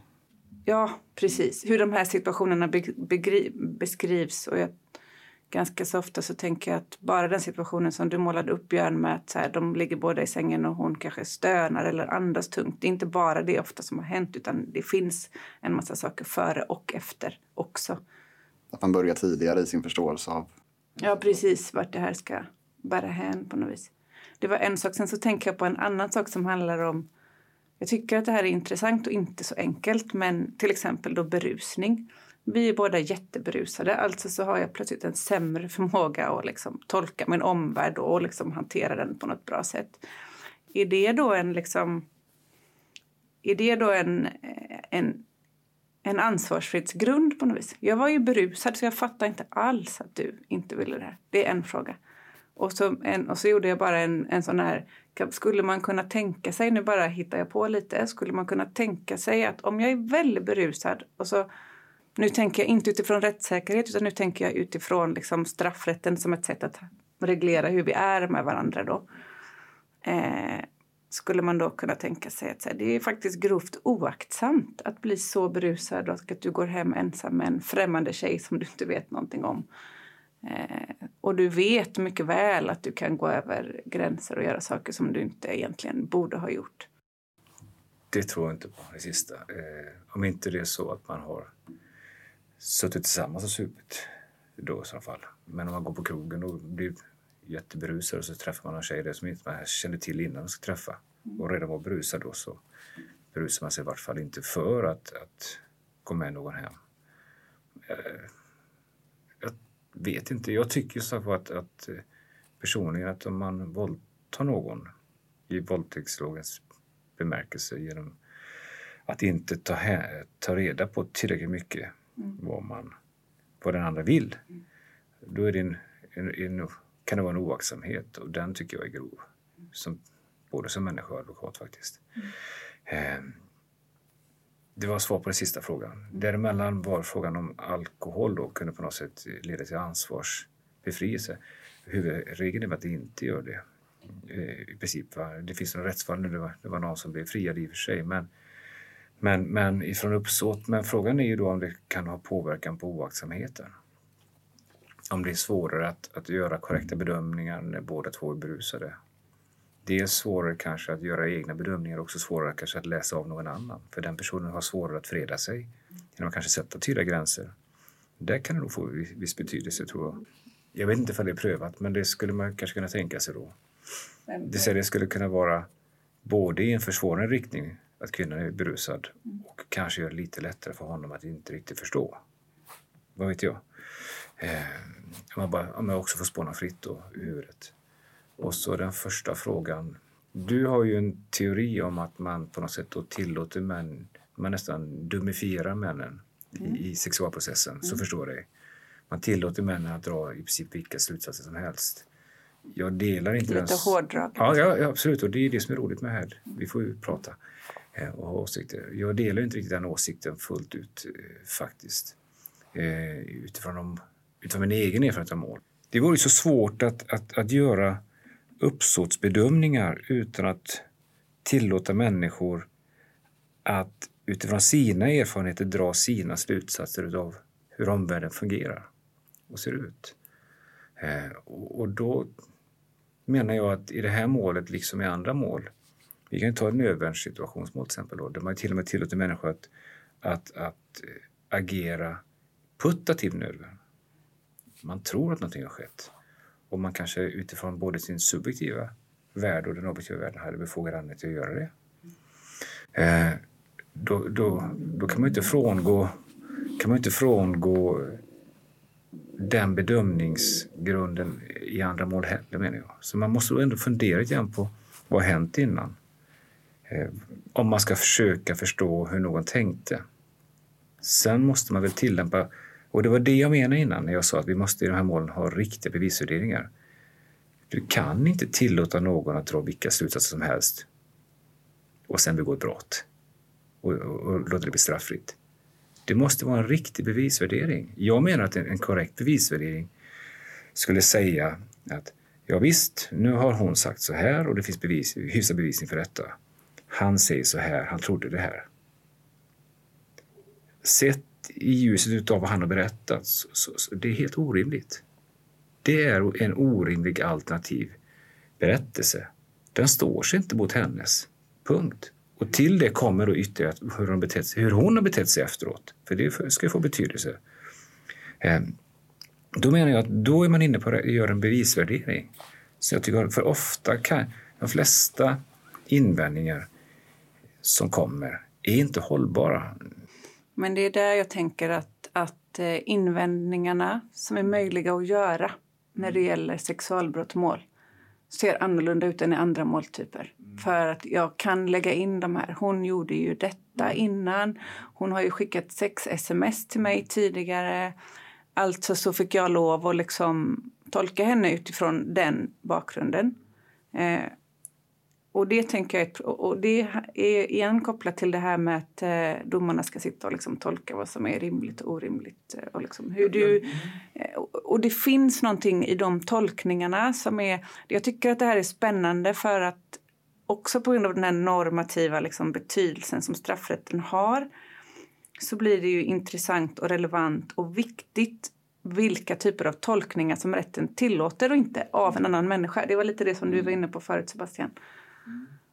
Absolut, jag, och jag håller med om det. Eh, jag ställer mig bara frågan till hur, det, hur ska man göra annars då?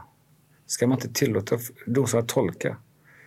Men, jo, men vi kanske behöver hjälpa dem med... Absolut. Och, liksom... och, och jag, har ju sällan, jag ser väldigt sällan domar. Du, du läser nog mer domar än vad jag gör. För jag läser mest mina egna och sådana som betyder mina case. Men jag ser väldigt sällan dom, domare som säger att Jo, jo, nu skickade hon sms till dig innan, flera dagar innan och sa att hon vill ha sex med dig. Eller att hon, hon gillade dig, du var sexig, vad det nu står om. Mm. Och sedan så bjöd hon hem dig på, på kaffe också. Så det är klart att du kunde dra slutsatsen att du kunde ha sex med henne. Ja, det tror jag inte att jag har läst någonsin i en dom heller. Men jag har ju både sett jag har ju både sett förhandlingarna och ser vad som läggs fram där. Ja. Och sen så, så är ju inte domskälen ofta så explicita nej, nej. som du vet. Men, Men de ska ju ändå hänga upp det på vad de frikänner på. Mm. Eh, och det, så det tror inte jag går hem. Eh, jag tror personligen att när någon frikänns i sexualbrottsmål mm. Eh, så har man bildat sig en uppfattning om att den här kvinnan, som det ofta är, mm. är inte alltigenom trovärdig. Mm. Och sedan så tittar man på vad händer efteråt. Och då, får, då, då blir det så här löjligt tekniskt.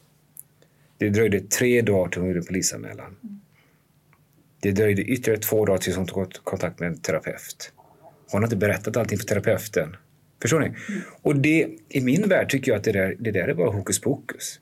Därför vem kan säga att det är mer verklighetstroget att, att ringa polisen direkt än att, vänta, än att gråta och skrubba sig, stå i duschen och ligga fosterställning i tre dygn innan man orkar ringa samtalet och prata om det. Och efter det samtalet, när du kanske möts av en en, en, en tråkig polis först då.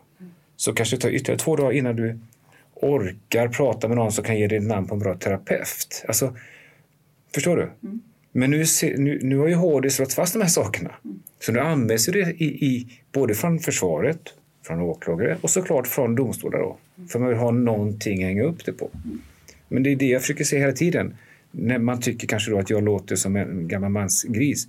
Tillämpar man riktig bevisvärdering i de här målen så kommer fler fällas. Men också rätt personer frias. Det är, det, det är dit jag vill komma. Ingen våldtäktsman ska gå fri. Men ingen oskyldig ska fällas heller. Och riktig bevisvärdering, det är, nu ska jag svära, fan i mig metoden för att komma dit, tycker jag. Men du vet, ett våldtäktsmål i USA, det tar nog, de skrattar åt oss när vi säger att vi kan bränna av det här på tre timmar i en rättegång. Det tar ju liksom dagar där borta, kanske veckor. En utredning utav, i ett våldtäktsmål i England det innefattar att man tittar igenom allting på målsägandens sida innan. Man kollar, har hon ekonomiska problem? Hur ser hennes mobiltelefon ut? Alltså vad hon skickat och inte skickat för sms och sådana saker. Är det vårdnadstvister? Allting sånt. För att få då? För att säkerställa att när vi kommer till domstol sen, då ska ingen kunna hugga på henne. Det, det här är en trovärdig människa. Och likadant på hans sida förstås då, på mannens sida. Så man möts sedan så blir kampen sådan att det blir bevisvärderingsfrågor. Men tänk på vad det, jag måste bara mm. kasta mig in här jättesnabbt. Och tänk på vad det du sa nu betyder för, för, för det här är aktuellt i Sverige mm. men också uppenbarligen i England. Vem som kan få upprättelse eller det här tillgång till det sexuella medborgarskapet och inte. Alltså, nej tyvärr, du har lite ekonomiska trångmål så ingen kommer att tro på dig i domstol. Och precis samma problem har vi ju här också. Nej, du har missbruksproblem. Eh, nej, du har psykisk ohälsa. Nej, du har anmält män för våldtäkt tre gånger innan. Eller en åklagare kan välja så här, nej jag tänker nog inte... Eftersom att du har skickat filmer på dig själv när du onanerar till den tilltalades kompis samma dag så kan jag inte ens väcka åtal för jag vågar inte det. Och det är ju ett problem. Och det tänker jag är någonting som i alla fall kvinnorörelsen liksom vill peka på att det här är ett problem. För att vi har ju en lagstiftning som handlar om att vi vill komma till rätta med vissa saker och vi vill ju att alla ska ha tillgång till samma. Liksom. Om man tänker sig att rättsprocessen är en upprättelse på något vis. Det går två håll. Även den som blir åtalad ska ha precis samma rättigheter. Och samma Eller en annan typ av rättigheter. För där handlar det väl om en rättssäker process. Medan mm. i det andra fallet så handlar det om, får jag överhuvudtaget liksom. Och det är ju där vi hamnar igen. Det, det, blir, ett, det blir ett allmänt tyckande bara. Alltså, det är det det handlar om. Alltså det, du, du bygger på så mycket mer än juridik. På så mycket mer än ren bevisvärdering. Men eftersom att det handlar om... Men tycker du att, nu ska jag bryta dig då, mm. kasta mig in. Tycker, du, tycker du att alla som anmäler våldtäkt ska ha rätt till en rättegång? Nej. Nej, precis. Och det hur, tycker jag inte. Hur ska man komma åt det då? Men jag tänker att det behövs eh, kunskap och det behövs liksom en, en... Jag tänker att det är ett problem, det, det systemet du ändå beskrev i England. För det innebär att faktiskt vissa kvinnor absolut aldrig kan få upprättelse om de blir utsatta för våldtäkt. Och det är ju så här också. Om jag skulle vara en prostituerad så skulle jag ha oerhört svårt Självklart. att få ett övergrepp Självklart. prövat i domstol. Ja, eller narkoman. Och, ja, precis. Och det är ju ett problem. Jag tänker att, och det är jag tänker att det handlar om kunskap och eh, en medvetenhet hos rättsväsendet.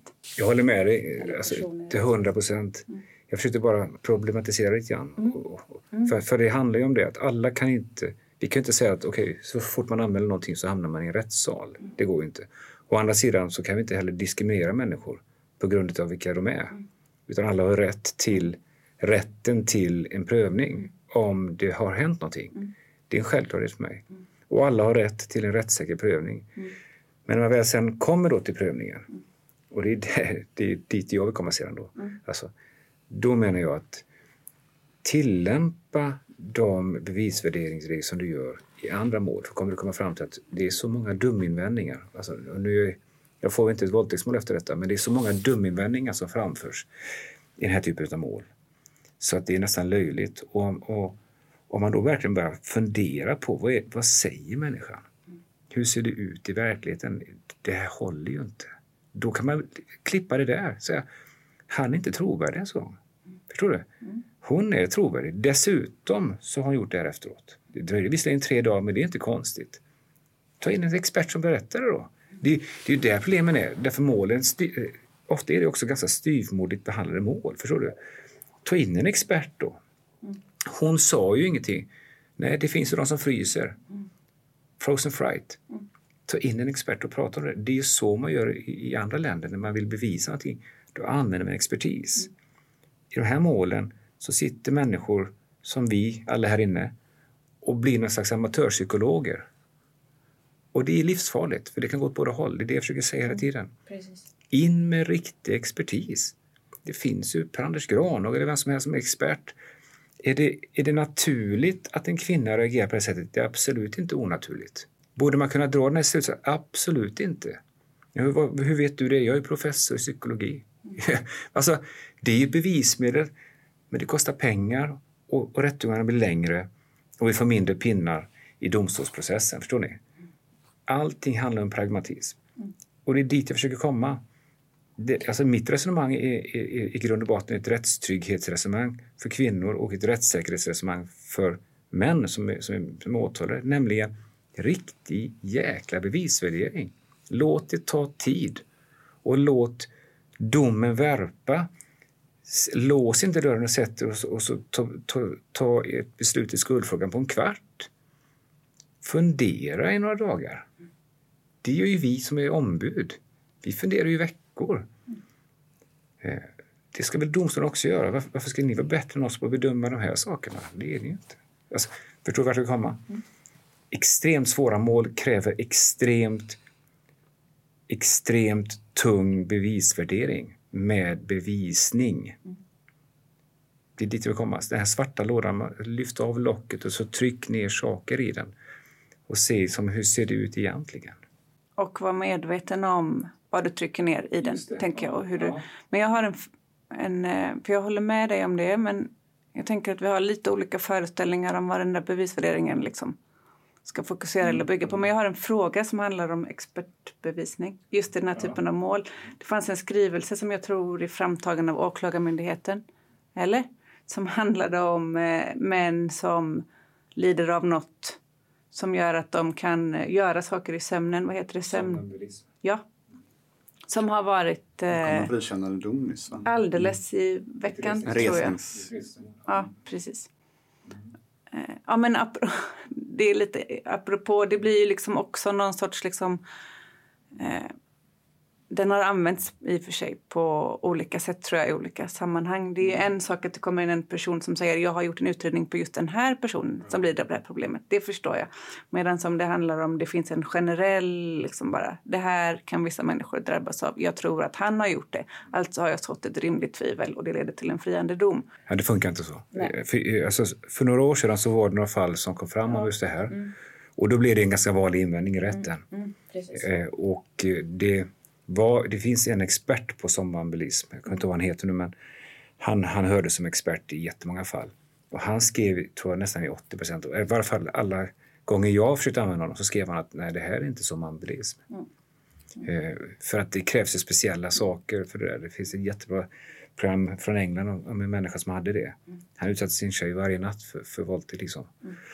Eh, och de mätte då syret i först i hans hjärna och kunde se att det ströps av när han snarkade väldigt mycket. Så här, ströps det av på något sätt och så, då blev han aggressiv. Och så fick han hjälp men så slutade det.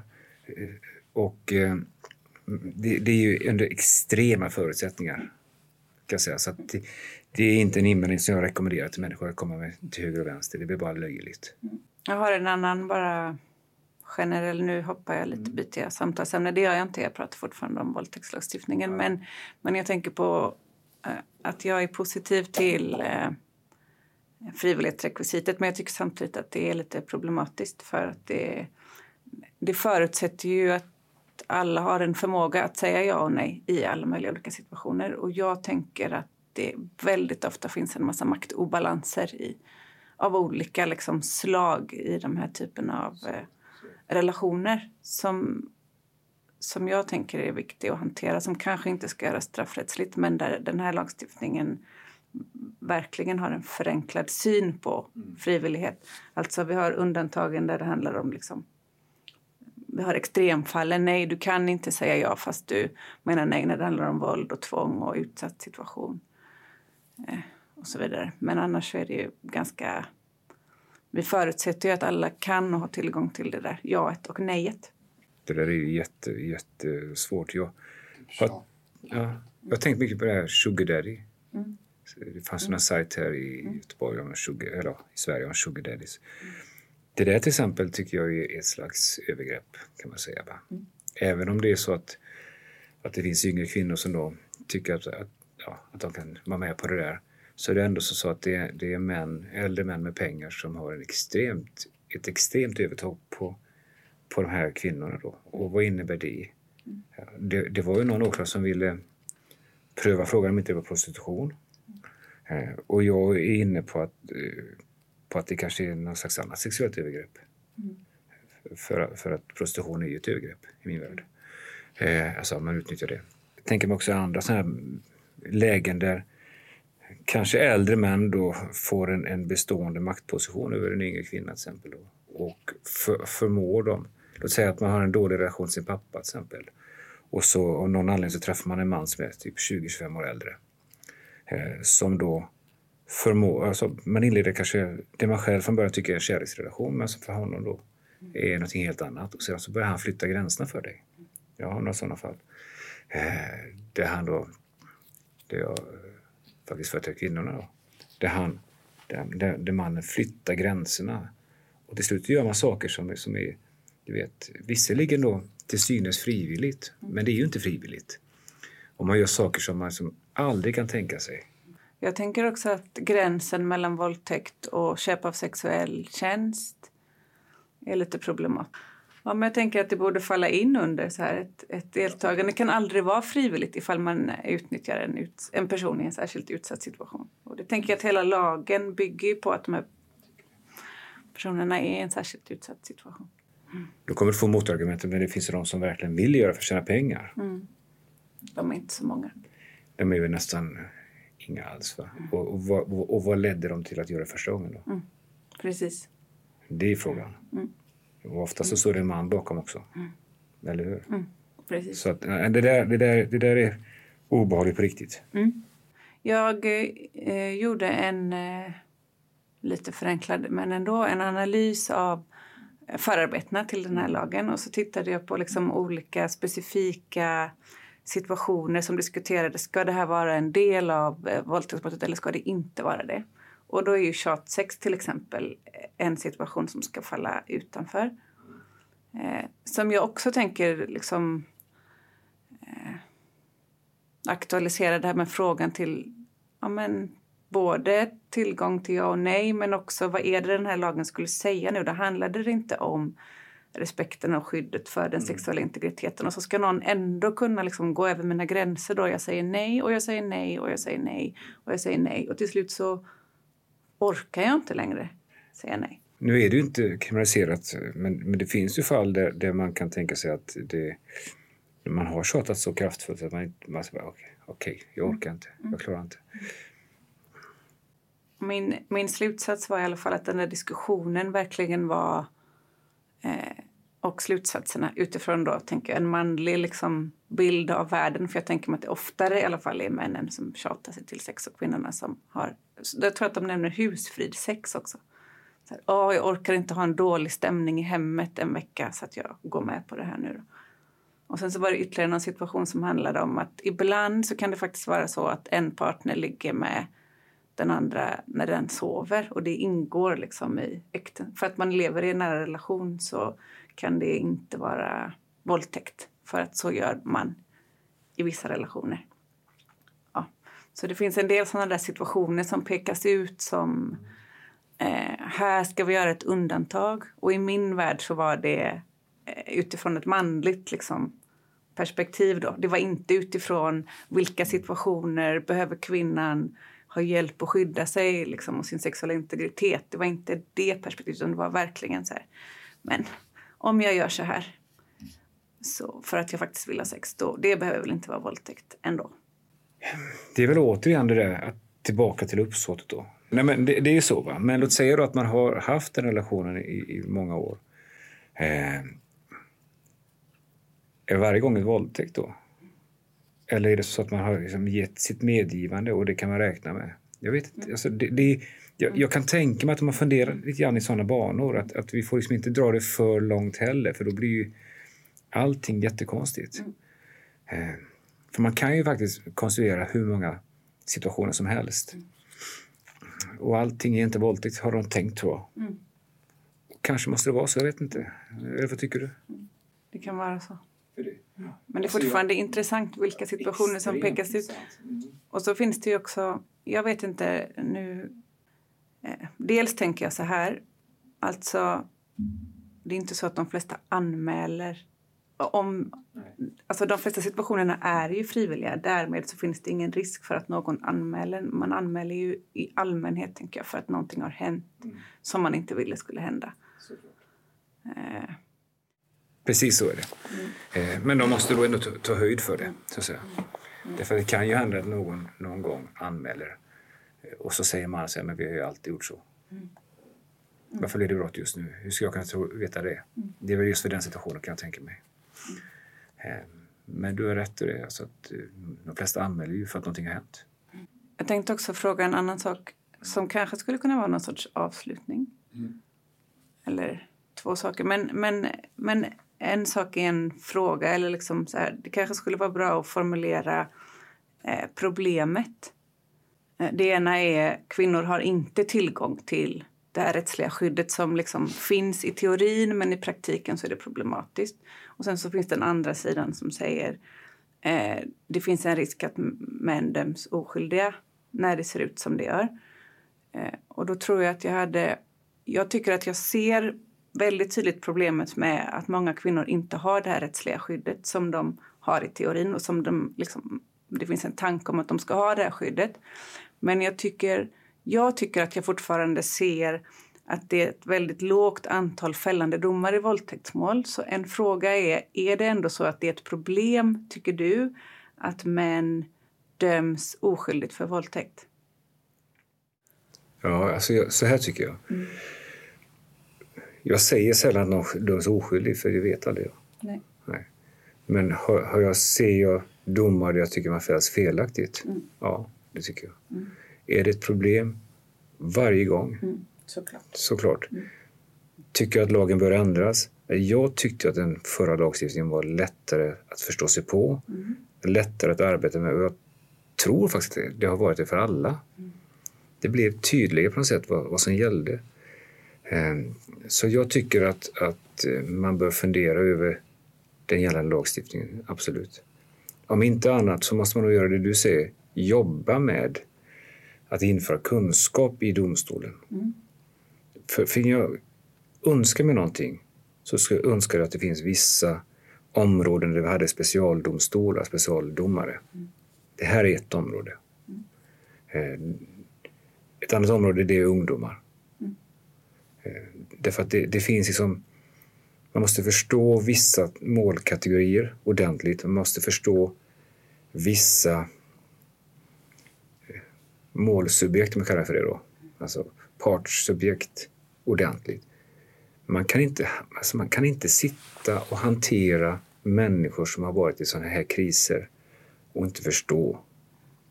Man kan inte heller sitta och hantera män som är dömda eller som är misstänkta för sådana här saker utan att förstå.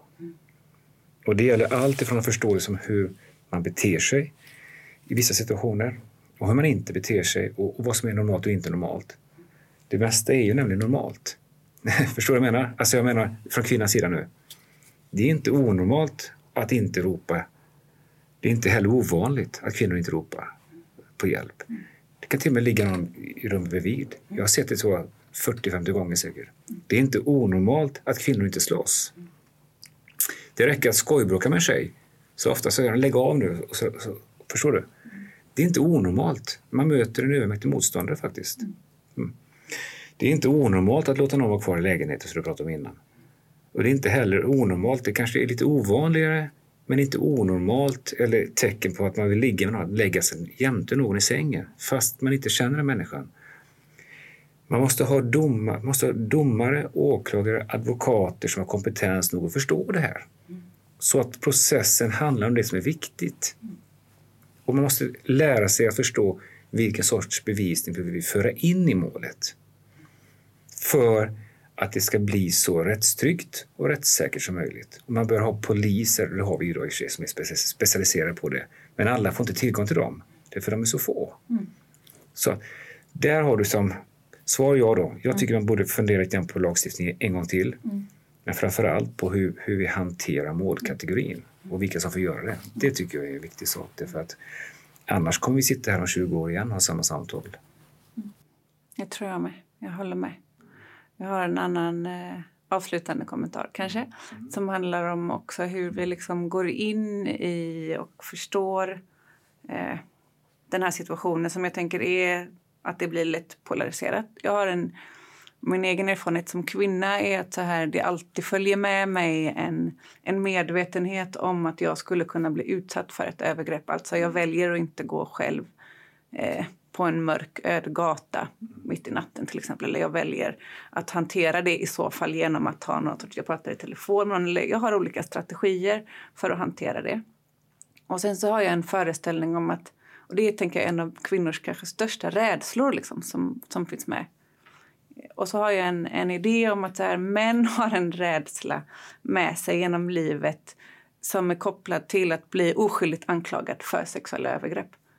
Som liksom finns där som en av de allra värsta sakerna, förutom att man skulle drabbas av att någon nära anhörig liksom drabbas av något såklart. Men om det bara handlar om en, en rädsla för sig, för sig själv så tänker jag att det skulle kunna vara en sån där rädsla som män bär på. Som en gemensam liksom, kunskap och minne så som man beskriver kvinnors eh, gemensamma kunskap och minne kring sexuella övergrepp. Som, som finns med och som syns i den här diskussionen. Och som gör att den blir polariserad och svår att liksom, hantera. Mm. Alltså, jag har aldrig känt den, den rädslan. Jag hade tänkt tanken. Men, men bara... Man tänker väl ändå på det när man är ute och går på gatan så går man på andra sidan. Om det går en kvinna framför till exempel. Beror inte det på det? Då byter man och så går man på andra sidan. Mm, för att visa och henne. ler lite vänligt för att... Ja. Jag har... Det, är det inte det? Fast i väldigt liksom miniatyrformat. Eller, Det är nog kanske mer- nej, jag inte- nej. inte- det jag är handlar med- inte om mig själv, det handlar om den andra sidan. Just det, det är så jag tänker.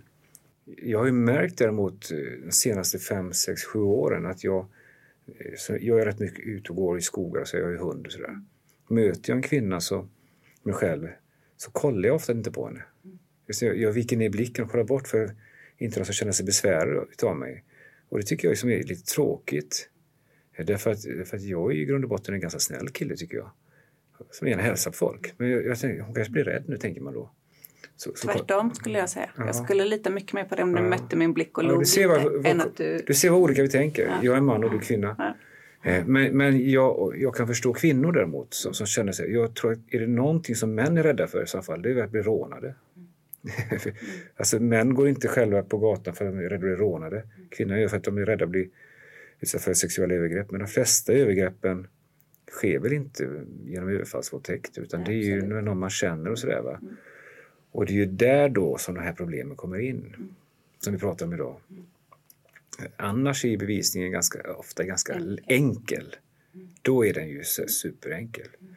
Eh, Så att, eh, men det är den ju inte i de här lägena när man då vaknar mitt i natten och sådär. Det är de här sakerna som där man då kanske tillåter män, som du säger, bli lite dumifierade. Ibland i rättegången säger man så här, varför ska den här kvinnan anmäla en man för en våldtäkt om inte det var sant? HD har ju inte någon gång, så vitt jag har sett, tagit upp det som ett argument i en frikännande dom. Hon anmälde, alltså fattar ni? Inte heller en fällande dom. Men jag tycker att det är, ett, det är ett jättestort steg att ta att anmäla någon felaktigt för vilket brott som helst och våldtäkt särskilt. Då? Så jag, jag tänker att det är en ganska, det är en ganska, klok form, det är en ganska klokt formulerad frågeställning egentligen, eller hur? Varför ska hon säga så här om det inte var sant? Någonstans så, så kan man ju fundera över den. Men så tänker ibland så här, för mig är det så, för vi pratar ju om män som att män är, liksom, är, är rovdjur nästan. Men för mig då som människa, det skulle liksom vara ett sjumilakliv i kattstövlar. Att utsätta någon för sexuellt övergrepp. Att våldta någon, det, skulle liksom, det, är ju så långt ifrån min personlighet så att är inte det en lika intressant frågeställning egentligen? Om det nu är så att, vi pratar ju rätt många våldtäktsmål, eller vå- våldtäktsanklagelser per år. Är män så fruktansvärda? Eller är det så, så att vi är så korkade som du är inne på, som vi inte förstår? För de flesta våldtäkterna är ju inte så sagt utan det är ju när någon säger men jag trodde och var med på det. Är, eller är vi så korkade just när det kommer till sex? Mm. Alltså blir vi amöber där? Ja, du ler och- säger, säger så. För, för det, det där är ju ett jätteproblem då. Ja, Alltså, alltså på, för, för det är någonting jag, det har jag funderat mycket på nämligen. Hur kan det komma sig att det är så många anklagelser om våldtäkt? Alltså, är vi så in i helsike korkade vi män när det kommer till sex? men, men tänk så här då, det går ju... Jag, jag hårdrar det och tycker att det är lite roligt att säga så. Och det handlar ju också om liksom att göra motstånd mot den där bilden av att män är rationella och kvinnor är emotionella. Men jag tänker att det, det kanske inte bara handlar om att vara... Det kan ju handla om att vara korkad och liksom... Men också att välja... Att välja och... Jag måste ju hela tiden tolka olika signaler, olika tecken. Så att jag väljer att tolka saker så som jag vill att det ska vara. Och så väljer jag att inte se. Alltså, det, är inte bara, det behöver inte bara vara att vara korkad. Det kan ju vara att vara ganska strategisk medveten eller så är det bara att det är svårt. Jag tänker att det finns alla de liksom, möjligheterna. Då tänkte vi nu avrunda samtalet och som en avslutning så tänkte jag be er om ni får 30 sekunder att önska er en förbättring i sexualbrottslagstiftningen eller tillämpningen av den. Jag kan börja med dig Björn. Mm, tillämpningen då som sagt var. Att, att tillämpa en, en mer, mer verklighetstrogen bevisvärdering baserad på riktig bevisning som ger båda parterna möjligheten att få en rättssäker och rättstrygg prövning. Eh, alltså specialkompetens in i domstolarna, det, det är det jag är ute efter. Möjligen också då att man ser över lagstiftningen en gång till. Moa? Mm. Jag tror att jag önskar mig något liknande, alltså kunskapshöjande insatser. Att, eh, domare, men jag tänker också att åklagare behöver eh, mer kunskaper och försvarare och målsägandebiträden också.